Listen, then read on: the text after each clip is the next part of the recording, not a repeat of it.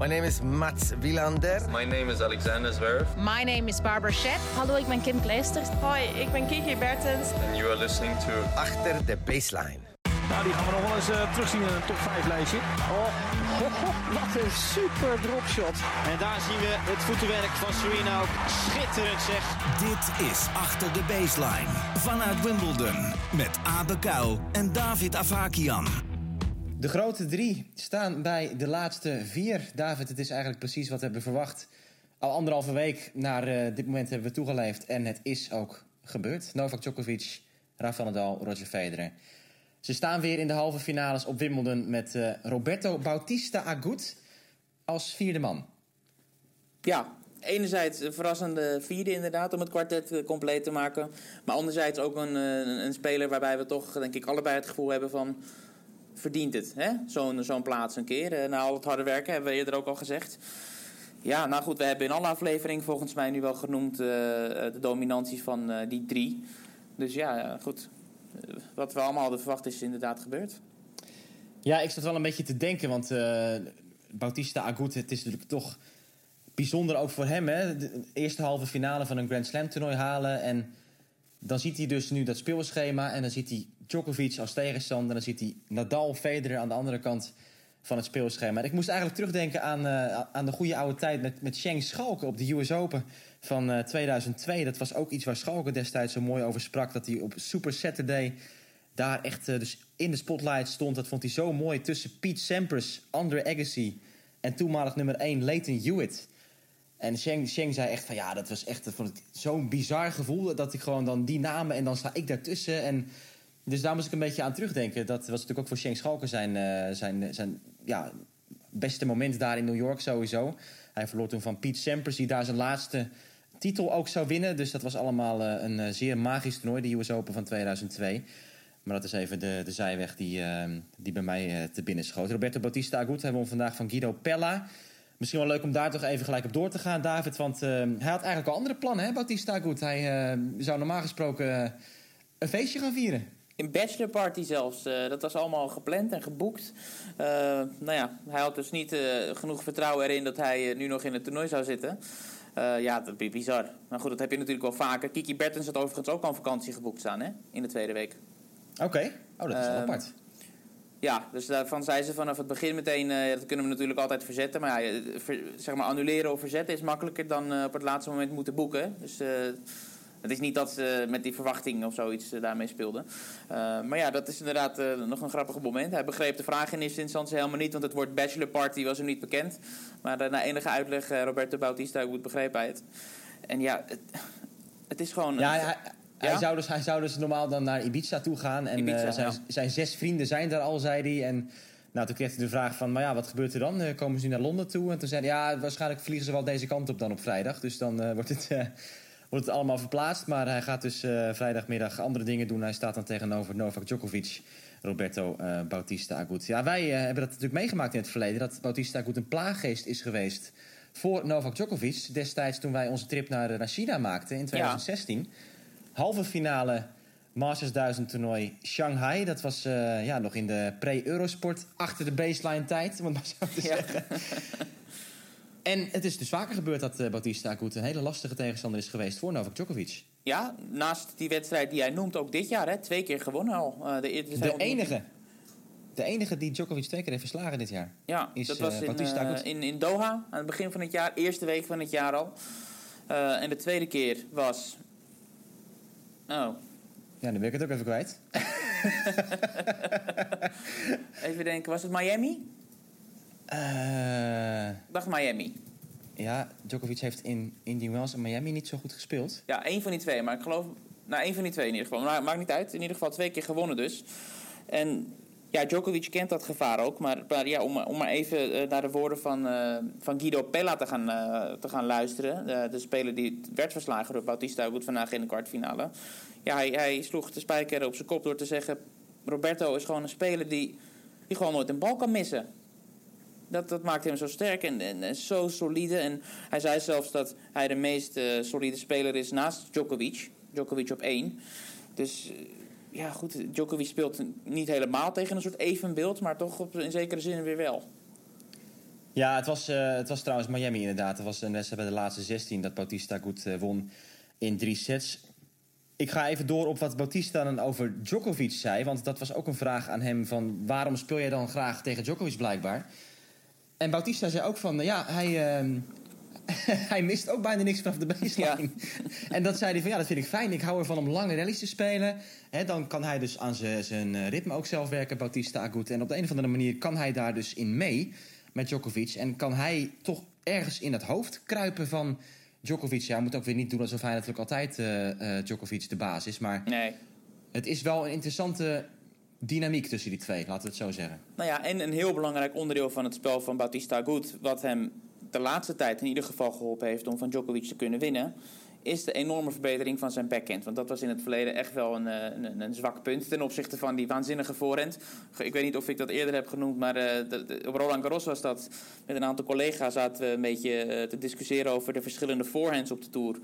En toen, toen stelden we elkaar de vraag van... als je zou mogen kiezen zelf... als je één voorhand zou mogen hebben... eh, van alle spelers op de ATP-tour. Welke zou je dan zelf graag willen hebben? En dan niet meegerekend de grote drie en de grote Oh, drie. ik wou net zeggen, want uh, nu Dus- ga je een beetje overdrijven, denk ik. ja, ja, Maar dus, dus niet Federer, Nadal en Del Potro. Want dat zien we dan als de drie, de, de drie voorhands. Niet eens die van Djokovic.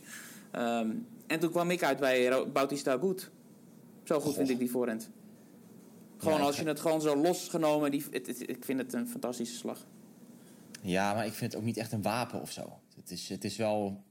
hele Ja, maar nooit een fout slag, maken is ook is- lekker hoor.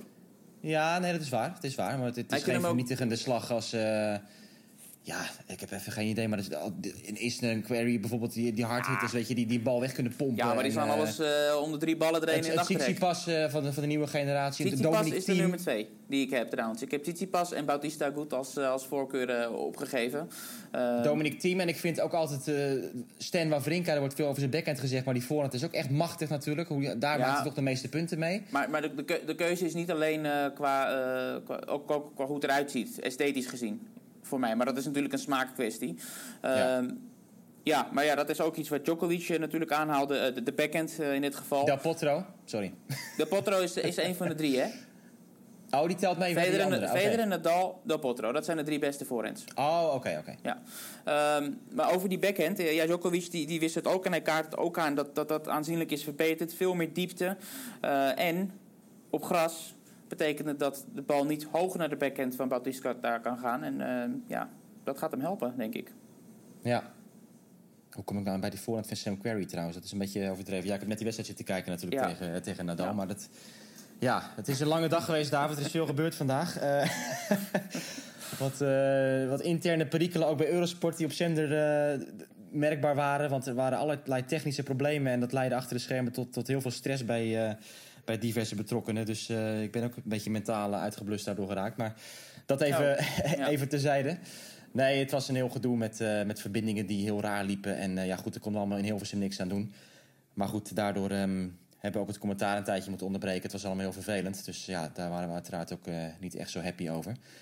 Maar goed, dat, dat soort dingen gebeurt van lees. Dat gebeurt bij elke zender. Ehm, terug naar het onderwerp. Djokovic dan zijn wedstrijd. We hebben inmiddels nu genoeg gezegd dat hij de tegenstander is van Bautista Agut. Valse start tegen David Coffin. Maar als een wesp gestoken, toen hij de break achterkwam in de zevende game... draaide het ineens keihard om. Verlo- verloor nauwelijks games meer. Hè? Wat was het? 15 van de 17 games die daarna eh, volgden gingen naar Djokovic? Ja, hij, hij kwam dus 4-3 achter opening set met de break. Ja.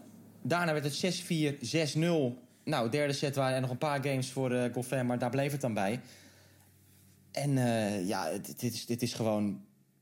Ja, je zit er naar te kijken en je denkt ook van... Je krijgt medelijden met Goffin. Ja. En je merkt het ook aan het publiek. Hè? Elke keer als hij dan een keer een punt wint, als hij een game wint... Ja, dan is er een soort, uh, een soort gigantische uh, applaus voor, voor Goffin... uit medelijden met het Ja. feit dat hij dus gewoon wordt afgeslacht. Nou ja, wat- zo moeten we het toch zeggen door Djokovic. Ja, en wat, wat nog zieliger is, om het maar zo te noemen, is het feit dat. Oh, ja, om, hoe zou ik het formuleren? Dat als Goffin goed speelt, daarmee voedt hij Djokovic bijna op een bepaalde manier. Djokovic zei het met zoveel woorden zelf ook. Hij zegt: Goffin speelt zo'n goed en, en, en, en ja, ritmisch tennis. En dat is heerlijk. Dus ook op de momenten dat Goffin goed staat te spelen en dus die rallies aangaat met Djokovic, heeft het 0,0 effect. Nee, maar dat zie je. En het, het punt is ook, Goffin is iemand die vrij vlak toch slaat. En hij, hij mist dan soms net die bal als hij bijvoorbeeld... Hij gaat heel vaak langs de lijn hè, met zijn aanvalsballen. Ja. Als hij dan één of twee keer zo'n langs de lijnbal speelt... Ja, dan moet hij eigenlijk even dat tempo eruit halen en de hoek breder maken... om Djokovic dan echt uit positie te krijgen. Maar dat, dat gebeurt ook gewoon niet. Dus je ziet, bam, oh, indrukwekkende bal Goffin. Bam, nog eentje. Maar Djokovic kan die ballen counteren. En daarmee maakt hij inderdaad dus Djokovic sterker. Nou, dan moet hij drie, vier, vijf van die ballen slaan in één zo'n rally. Ja, dat hou je niet vol. En dan zie je dus op een gegeven moment... oké, boem, de fout van Goffin. En het punt gaat toch weer naar Djokovic. En dat herhaalt zich 93 keer in zo'n partij. Ja. Ja, ja, je zou maar 6-4, 6-0, 6-2 verliezen. En als Goffin achteraf zeggen van eh, ik heb een hoog niveau gehaald. Ja. Ja, maar, ja, maar kijk, het feit is natuurlijk daar dat hij eh, fantastische resultaten heeft neergezet op gras. Het was wel een beetje eenzelfde situatie. Ook, ik heb het ook nog aangehaald in het, in het commentaar. Dat je zag in die opening set, hetzelfde als tegen Federer. Goffin was fantastisch, hij was eigenlijk beter. En weer kan hij dan daar net die set niet winnen. En net als tegen Federer in Halle, dan is het ook gewoon gelijk afgelopen. In het vervolg van, eh, van de partij. Zeker natuurlijk ook dankzij het goede niveau van de tegenstander. Maar dat is dan toch een, ehm, ja, een soort extra dreun of zo. Ergens nog mentaal. En die paar procent extra, ja, die vergroten dan dat hele beeld van... Hè, dat Djokovic in feite Ja. natuurlijk een fractie beter is. En dan is het ook in één keer boem. Ja, het, eh, gewoon heel hard die kant op van, eh, van Djokovic. Of, of Federer in Halle in dat ja. geval. Ik zag een mooi tweetje voorbij komen van, ik weet niet meer wie dat was. Maar die zei, eh, alles wat je wil weten over de, de dominantie van de grote drie... zat in die tweede set van eh Goffin tegen Djokovic. Zowel qua tennis, zowel qua mentaal, zo, alles zat daarin eh, ver- verwerkt. En ja, maar goed, Djokovic die zei zelf ook nog over zijn spel... en over zijn spel de afgelopen, de afgelopen wedstrijden... dat het echt het beste is wat hij dit toernooi heeft laten zien. De afgelopen paar rondes. En in het bijzonder dus vandaag de tweede en derde set... Ehm, ja, het- ik slaag erin om hem te ontmantelen, noemde hij het. Ja, dat zijn allemaal van die pijnlijke woorden, maar het is allemaal waar. Ehm, en, en ja, hij, hij zei nog... Ik heb het gevoel ehm, dat als ik goed speel... dat mijn speler twee keer harder moet werken tegen mij... dan tegen Ja. wie dan ook om een punt van mij te kunnen winnen. Ja, nou, het, het, het klinkt misschien wat, eh, wat arrogant tot op zekere hoogte... maar het is gewoon de waarheid. En het tekent ook het zelfvertrouwen dat Djokovic dus weer heeft... dat hij ook zijn uitspraak eh, doet.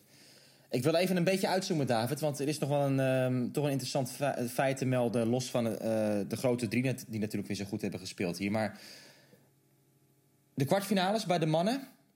vijf spelers daaruit zijn 30 jaar of ouder. En dat is maar drie keer eerder gebeurd in het verleden. Althans, het is nu voor het derde jaar op rij gebeurd. Maar daarvoor is het maar drie keer gebeurd in de geschiedenis. In 1922, 1914 en 1901. Ja, dat hebben we ook wij eh, niet meer meegemaakt die jaren. Ehm, maar dat is natuurlijk ongelooflijk. En het gaat nu nog verder door. Want we hebben nu de halve finales die zijn bekend. Bautista Agut is 31, Djokovic is 32, Nadal is 33, Federer is bijna 38. Gemiddelde leeftijd 33,5 in de halve finales van Wimbledon bij de mannen. Ja, ik weet het. ja, het is- die, man, die mannen die zijn gewoon zo toegewijd. En eh, ook buiten deze namen die je noemt... zijn er nog een hele rits en andere spelers op de ATP toe... die ontzettend goed staan te spelen op hoge leeftijd. Lopez, Feliciano Lopez, ook eh, dezelfde leeftijd als Federer. La- laatst nog eh wint Queens. Ja, het is een trend dat al enige tijd gaande is. En, en de precieze reden ja, wat zal het zijn? Eh, De, de ver- verbeterde eh, eh, kennis bij die spelers van, van voeding, van trainingsmogelijkheden, allerlei dingen. De professionaliteit is natuurlijk ontzettend verbeterd de afgelopen 10, 20 jaar. Ten opzichte van, laten we, ja, de John McEnroe, Björn Borg eh, periodes bijvoorbeeld. En, en ja, dat, dat zie je nu terug. En als je dat dan combineert met het ongelofelijke talent dat in dit geval die Big Three heeft, ja, dan zijn ze gewoon. Ja, waar moet je die mensen pakken in hemelsnaam? Ja, ook een Fernando Verdasco, hè, 35 jaar, Ja. hier de vierde ronde. We hebben, we hebben Stan Wawrinka, 34 jaar, fantastisch zien spelen op, eh, op Roland Garros. Ja. Eh, ja, goed, Ja, Kevin hebben- Anderson, die, die Ja. 32 vorig jaar, die voor het eerst eh, de Wimbledon finale haalt. Het is Fabio Fognini, 32, breekt voor het eerst door in de top 10. En zo, zo kan je daar door blijven gaan. En natuurlijk is het ook ehm, ja, fantastisch dat we dit überhaupt meemaken. Want als je vijf jaar geleden het had gedacht, ja, dan hadden we verwacht van nou, al die namen die zijn inmiddels wel weggevallen eh, die we nu opnoemen. En dat is natuurlijk hartstikke leuk dat we dat nog steeds erbij hebben, ook in deze tijd nog. Ja, en een belangrijk element natuurlijk daarvan is dat Dat al die spelers eh, ook voortdurend zichzelf eh, hebben verbeterd. Hè? En eh, die honger hebben gehad. En we hebben het zo meteen nog over Nadal en Federer. Maar ik, misschien is het nu wel toepasselijk om, om iets uit de, persconferentie van Nadal naar voren te halen. Hij werd gevraagd rechtstreeks, overigens weer door, door die Italiaan. Nou ja, wa- wat is er nou? Je, zit naar Federer te kijken, 37 jaar, het wordt ook nog steeds beter. Jij hebt allerlei dingen verbeterd. Le- Leg nou eens uit hoe dat nou precies zit. En Nadal die zei heel treffend, hij zei ja, wij hebben natuurlijk allerlei dingen moeten toevoegen aan ons spel. Maar dat komt erdoor omdat wij ook allerlei dingen zijn eh, verloren gaandeweg. Ja, na- precies. Nadal zei, ik wil niet zeggen dat ik me per se verbeterd heb. Ik ben gewoon een andere speler Ja, geworden. Hij zei, ik weet niet of, of zoals ik nu ben... of ik zou winnen van mezelf, pak een beetje tien jaar Ja. geleden. ja, en als En- voorbeeld, ja, Nou, ga door. Ja, als voorbeeld gaf hij dus aan van ja, wat, wat is er dan zo veranderd? Hij zegt, ik ren niet meer zoveel als ik eh, voorheen in mijn wedstrijden natuurlijk alle hoeken van de baan eh, bereikte. Nu serveer ik beter. Daarmee door beter te serveren hoef ik minder te rennen. Dus het zijn allerlei hele logische verklaringen. Maar dat, dat heeft natuurlijk wel enorm veel inzet, energie en training eh, gevergd. Ja, ik, ik vind dat je het vooral bij Nadal he- heel goed ziet. De, de ontwikkeling in zijn spel in die zin dat je gewoon echt precies dingen kan aanwijzen van... ja, kijk, vroeger eh, die eerste jaren op gravel... dan stond hij vijf meter achter de baseline links, rechts te rennen... en dat hield hij vijf uur vo- vol. En dan dacht je nog steeds dat de wedstrijd net was begonnen aan het eind van, eh, van de partij. En dan kon hij alles vol gas gaan. De, de snelheid die hij toen had... ehm, ja, die werd toen wedstrijd in, wedstrijd uit... werd die snelheid maar geroemd van Nadal. Ja, dat is natuurlijk al lang niet meer gaande. Nu Ja. hebben we het over de, de zaken als... joh, kijk nou eens naar die backhand. Je hoort die backhand steeds weer vanuit de verdediging keihard terugmokert. En, en dat is gewoon een hele nieuwe slag geworden in het spel van Nadal. Oké, bij Federer hebben we ook zoiets gezien met die enkelhandige backhand. Daar is het misschien ook eh, deels Nou ja, en- aan zijn materiaal te danken. Ja, Ehm, maar Ja, Federer, hè, toen hij van Piet Sampras won in 2003... eh 2003, zeg ik nou goed? Nee? één. 1, sorry, 2001. 2003 won hij zijn eerste Wimbledon natuurlijk. Maar toen hij in 2001 van Sampras won... Ja, toen was hij eigenlijk net zo agressief als nu. Misschien nog wel agressiever. Zeker in het naar voren spelen. Het, het, het service-volley tennis. Dat was eigenlijk gewoon een standaard aspect van zijn spel destijds. Ja, een belangrijk onderdeel daarvan is dan ook weer omdat de banen toen nog redelijk snel waren. Veel sneller dan dat ze nu zijn geweest. In de, in, in de piekjaren van Federer dus tot en met nu, wat nu nog steeds gaande is, zijn die banen natuurlijk steeds trager geworden. Waardoor dat, eh dat aanvalstennis minder, eh, min- minder van toepassing was. Maar ook nu speelt Federer aanzienlijk aanvallender. En zoekt hij vaker het net op dan pakweg tien jaar geleden. Ja, klopt. Maar het, het, het- ik vind het stilistisch gezien is Federer natuurlijk wel... redelijk, redelijk dezelfde ja, ja. speler gebleven. En eh, nou ja, goed. Ja. Ehm, even kijken hoor. Nadal, zullen we daar even op doorgaan? Die speelde tegen Sam Querrey natuurlijk vandaag. En dat eh, was een beetje de rode draad in alle wedstrijden van die grote drie. Laat ik, laat ik het zo zeggen. Ze hebben allebei een soort valse start gemaakt. Althans, het begin was het moeilijkste voor alle drie.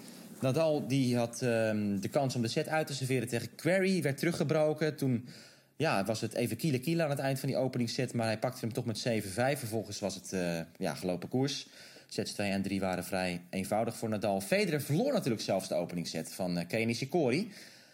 Die echt... eh, Ja, die ik eerste weet niet wat daar gebeurde niet, in het begin, maar... Hè? Nou, maar die eerste game was gewoon bizar. Van Kenny Nishikori. nee, precies. Twee returnwinners met de backhand. Eentje kort cross, eentje langs de lijn. Hij, maakte, hij, hij brak uiteindelijk met een prachtig opgezet punt... wat hij dan met een volley afmaakte.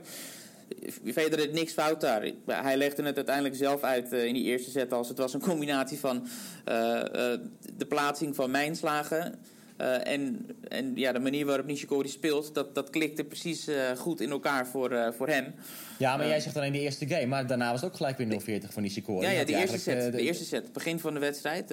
op, op zich herstelde Federer zich prima. Ik vond hem helemaal niet, niet slecht spelen. Alleen zoals Federer het omschreef. Het gewoon, mijn plaatsing klopte gewoon niet. Dit was gewoon niet de juiste manier om, om Nishikori te bespelen.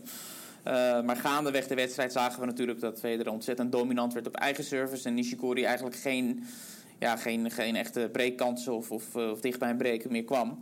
Ehm, wat mij opviel eh, aan, aan Federer was hoe vast hij ook was in de rallies. En ook heel veel baseline rallies waarin je normaal gesproken Nishikori misschien wel de voorkeur geeft. eh, ja, toch Federer gewoon is te winnen ook.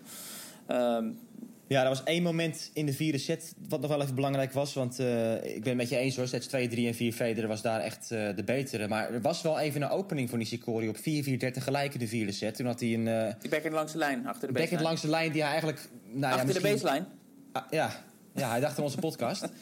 Maar ehm, ja, hij had hem of gelijk moeten afmaken of misschien in twee klappen of zo. Maar hij had daar echt gewoon eh, alle kansen met punten winnen. En Ja. toen de game daarna sloeg hij ook op een cruciaal moment zo'nzelfde backhand langs de lijn uit. eh, en ook, nog een, paar andere rare fouten. Dus hij zakte er wel een beetje weg aan het eind zelf. eh, op punten dat hij echt eh, misschien wel een vijfde set had kunnen afdwingen. Nou ja, goed, het was 30 gelijk. En had hij misschien een breakpoint gehad waarop Federer weer een ace had geslagen. Nou ja, goed, 4-4 tegelijk op breakpoint komen, dat is wel een... hè? ja, ja oké, maar nu te zeggen, je, je zit er nu meteen een vijfde set afdwingen. Nou ja, als je, Oh, daar, die oh. break ma- als je daar die break maakt, dan... dan hè? ja, nou In ja. principe was dat wel een Eh, balletje waar je zomaar de... Nadal die heeft het gezegd een paar dagen geleden. If, if, if doesn't exist in tennis. Nee, goed. Ehm, Daar gaan we ja, ook niet vooruitblikken op de dag van morgen, oké? nee, laten we misschien even eh, gaan kijken naar wat Federer nog verder heeft gezegd. Ook over zijn eigen spel, over hoe goed hij speelde. Eh, ja, cruciale elementen in zijn spel. De one-two punch, wat hem natuurlijk heeft gebracht tot waar hij nu is. Hij zegt daarover, ja, die heb ik onder controle. Ik serveer goed. En, maar over het retourneren, zei hij, dat gaat een beetje in fases. En dat hebben we wel gezien. Ook tegen Poei ook eerder kan ik me herinneren dat hij echt ja, een hele set lang gewoon eh, geen, geen return raakt. Alleen op, op het moment dat het moet, dan staat hij er. En ook vandaag had hij weer eh, genoeg eh, return missers. Dus dat is iets wat hij echt wel zou moeten verbeteren om, om, om tegen Nadal een, een goede kans te maken. Maar hij voelt zich ook ontzettend goed vanaf de baseline. Wat, waarvan hij zegt dat is ook heel erg belangrijk om in mijn volgende wedstrijd goed voor de dag te kunnen komen. Ja, Federer Nadal op vrijdag. Daar gaan we uiteraard eh, morgen wat dieper op in. Ik wil nog even iets zeggen over de uitschakeling van Serena Williams en Andy Murray. Dat is natuurlijk jammer voor het toernooi. Die eh, waren vandaag een beetje weggestopt in wat toch natuurlijk een hele leuke wedstrijd was. Want ze moesten tegen de nummers 1 geplaatst. Nicole Melchior en Bruno Soares. Ze verloren in drie sets en werden ook slachtoffer van... Ja, toch het, eh, het Graveyard 2.0, David. Baan 2. Vroeger was het altijd eh, bekend als het Graveyard... waar de toppers er allemaal uitvlogen. En die, eh, die geesten die zijn weer teruggekeerd dit jaar daar. Ja, heb je het lijstje voor je? Ik heb hem niet voor me, maar ik kan wel. Nee, een ik heb, beetje- ik, heb, ik, heb het, ik heb het lijstje voor me. Wie hebben er allemaal verloren dit jaar op court 2, zullen we het maar zo zeggen? Stefanos Tsitsipas, Dominic Thiem, Maria Sharapova, Stan Wawrinka, Angelique Kerber, de kampioene van vorig jaar... Caroline Wozniacki, Karen Gatjanov, Daniel Medvedev... nummer 1 van de wereld Ashley Barty... nummer 3 van de wereld Carolina Pliskova... Andy Murray in het dubbelspel, Andy Murray in de mix. ja. Zo. Nou, de gra nieuwe graveyard is eh, geboren. Ja, nou Zo ja, is het, eh, ja. Weet je, ik, ik, ik kan er één ding aan toevoegen. Eh, de graveyard heeft verreweg, kwalitatief gezien, de slechtste baankwaliteit van het hele, van het hele park. Daar is waarom iedereen het over eens. Dat eh, is een zandbak. Dus misschien dat dat eh, ermee te maken heeft dat, eh, ja, dat, dat, dat ja, de goede spelers eh, ja, er niet doorheen komen. Maar ja, dat is speculeren, weet ik niet. Maar ja, opmerkelijk. De toppers zijn geen beachtennissers. Dat is de wijze les ook in deze aflevering van Achter de Baseline. Maar zei jij nou net, we gaan morgen vooruitblikken op eh, Nadal Federer, vandaag niet? Nee, vandaag niet, want we Oh, oké, moeten ja, dat is aandacht wel besteden belangrijk. aan de halve finales van de vrouwen. Oké, want dan, eh, we- moet ik even deze zeven pagina's aan aantekeningen opzij leggen voor morgen. Ja, dan eh, zet ik de knop morgen aan en dan ga jij een half uur praten en dan eh, druk ik aan het knopje uit, oké? ja. Morgen de halve finales bij de vrouwen. Dat is ja, interessant. En ik zat, het over, zat erover na te denken. En we hebben natuurlijk weer heel het toernooi gesproken. Ook over de vele verrassingen in het vrouwen-enkelspeltoernooi. Maar als je dan toch kijkt naar wie er wel staan. Serena Williams, 23-voudig Grand Slam winnares. Simona Halep, twee jaar het seizoen als nummer 1 van de wereld geëindigd. Roland Garros kampioene. Elina Svitolina, voormalig nummer 3 van de wereld, winnares van de WTA-finals eind vorig jaar, winnares van diverse grote WTA-titels al. En dan is eigenlijk Barbara Strichova, zeg maar de Bautista Agut van de vrouwen bij die halve finales. Want zij is de enige die eh, ja, onbewezen is in die grote toernooien in het enkelspel, althans. Ja, althans. Maar goed, eh, wat we natuurlijk wel kunnen noemen uit haar carrière... is dat ze het Grand Slam toernooi heeft gewonnen in het dubbel. Eh, dat ze eh Fed Cup kampioen is, meerdere malen. Dus ze weet donders goed hoe het is om, om op grote podia te spelen en ook te winnen. Ehm, en ja, haar leeftijd natuurlijk ook, eh 33. Dus zij heeft alles al gezien. Zenuwen vind- zullen haar denk ik niet de das aan doen. Nee. Ik, ik vind het ook wel gewoon leuk. Eigenlijk, ik, ik zat ook te denken, wie, wie hier nou ook wint. Het is sowieso een leuk verhaal. Ja? Eens? Eens? Ja, kijk, moeten we de verhaallijnen mis- misschien maar noemen meteen. Serena Williams kan voor 24 gaan nadat ze eh, een kindje heeft gekregen. Svitolina, ja, de speelster die, die er tegenaan hikt, maar toch maar niet die doorbraak kan genieten. En eigenlijk een soort kroon op, op die ontzettende inzet eh, eh, van haar zou krijgen. Stritsova tegen het einde van haar carrière, misschien wel haar laatste jaar, dat ze dan toch zo'n Grand Slam toernooi in, dan nota bene Wimbledon misschien eh, eh, kan winnen, is ook een eh, heel mooi verhaal. En de laatste is Halep, die, ja, kunnen we over Halep zeggen? Nou ja, ook, die ook een grote prijs wint buiten gravel, zeg maar. Een Grand Slam Ja. titel. Eh, zij verdient natuurlijk ook gewoon meer grote titels. Hè. Twee jaar nummer één geweest. En ja, altijd gewoon over het algemeen steady als ze fit is. En, ehm, en ook iemand die gewoon heel goed ligt hè, op de Tour. Ze is, ze is gewoon echt een, een allemans eh, vriendin. Ja. En, en eh, ja, iedereen heeft respect voor hoe zij eh, haar carrière beleeft. En de inzet die ze dag in dag uit toont. Ook hoe ze mensen te woord staat. Heel vriendelijk altijd. Dus dat is ook gewoon een prima kampioen om te hebben op Wimbledon, denk ik. Ja, 100% met je eens. Ehm, ik, ik weet niet of, of jij nog in, in wat cijfertjes wil gaan duiken voor de dames. Want ik heb vooral één ding wat me heel erg opviel, wat ik wel wilde, wilde aanmerken. Eh, als je dat goed vindt. Tuurlijk. Ehm, en dat is de afstanden die de dames hebben afgelegd. Heb je dat gezien? Ik zag hem voorbij komen, ja. Ik, vond het- ja. niet eh, voor de hand liggen nu, maar... Nou ja, Serena heeft verreweg het minste eh, gelopen. Terwijl ze de meeste sets heeft gespeeld van alle halve finalisten. En met verreweg het minste gelopen. 6,3 kilometer heeft ze afgelegd. En Elina Svitolina 11,4 kilometer afgelegd. Dus Serena heeft gewoon twee keer minder eh, meters eh, gemaakt dan Svitolina in hetzelfde aantal wedstrijden. Ja, maar goed, dat zijn natuurlijk ook een beetje de roadrunners, hè. Die twee, Svitolina en, en Halep dan vooral. En eh goed, Stritseva, die gaat ook heel die baan over. Van voor naar achter, Ja. vaak meerdere keren in één rally zelfs. Dus, Ja, dat, ik snap ook wel dat het natuurlijk... ja, maar om Serena nu af de weg te zetten als een soort Ivo Karlovic is, is ook natuurlijk anders. Nee, maar dan Ehm, komen we wel terug op, op die aspecten natuurlijk weer. Hè. De, de, de big serve, de big return. Ja, dat, dat is gewoon natuurlijk heel snel afgelopen. Een punt op gras met Serena Williams. Ja. ja, maar dat het twee keer eh, minder eh, is, dat, dat viel me wel op in ieder geval. Ja. Eh, Nog even over de de head-to-head. want Serena en Stritsova hebben drie keer tegen elkaar gespeeld. Het was elke keer bij een Grand Slam toernooi. En steeds won Williams in straight sets. Dat was ook een keer op Wimbledon. Een eerste ronde partij notabene in 2012. Halep en Svitolina die hebben zeven keer tegen elkaar gespeeld. En het staat 4-3 voor Elina Svitolina in die head-to-head. En ik wil één ontmoeting nog wel even eruit halen op Grand Slam niveau. Dat was 2017 Roland Garros. Ik weet niet of jij dat nog eh, eh, meteen op paraat hebt. Maar ongetwijfeld als ik erover begin te praten. Het was een kwartfinale wedstrijd.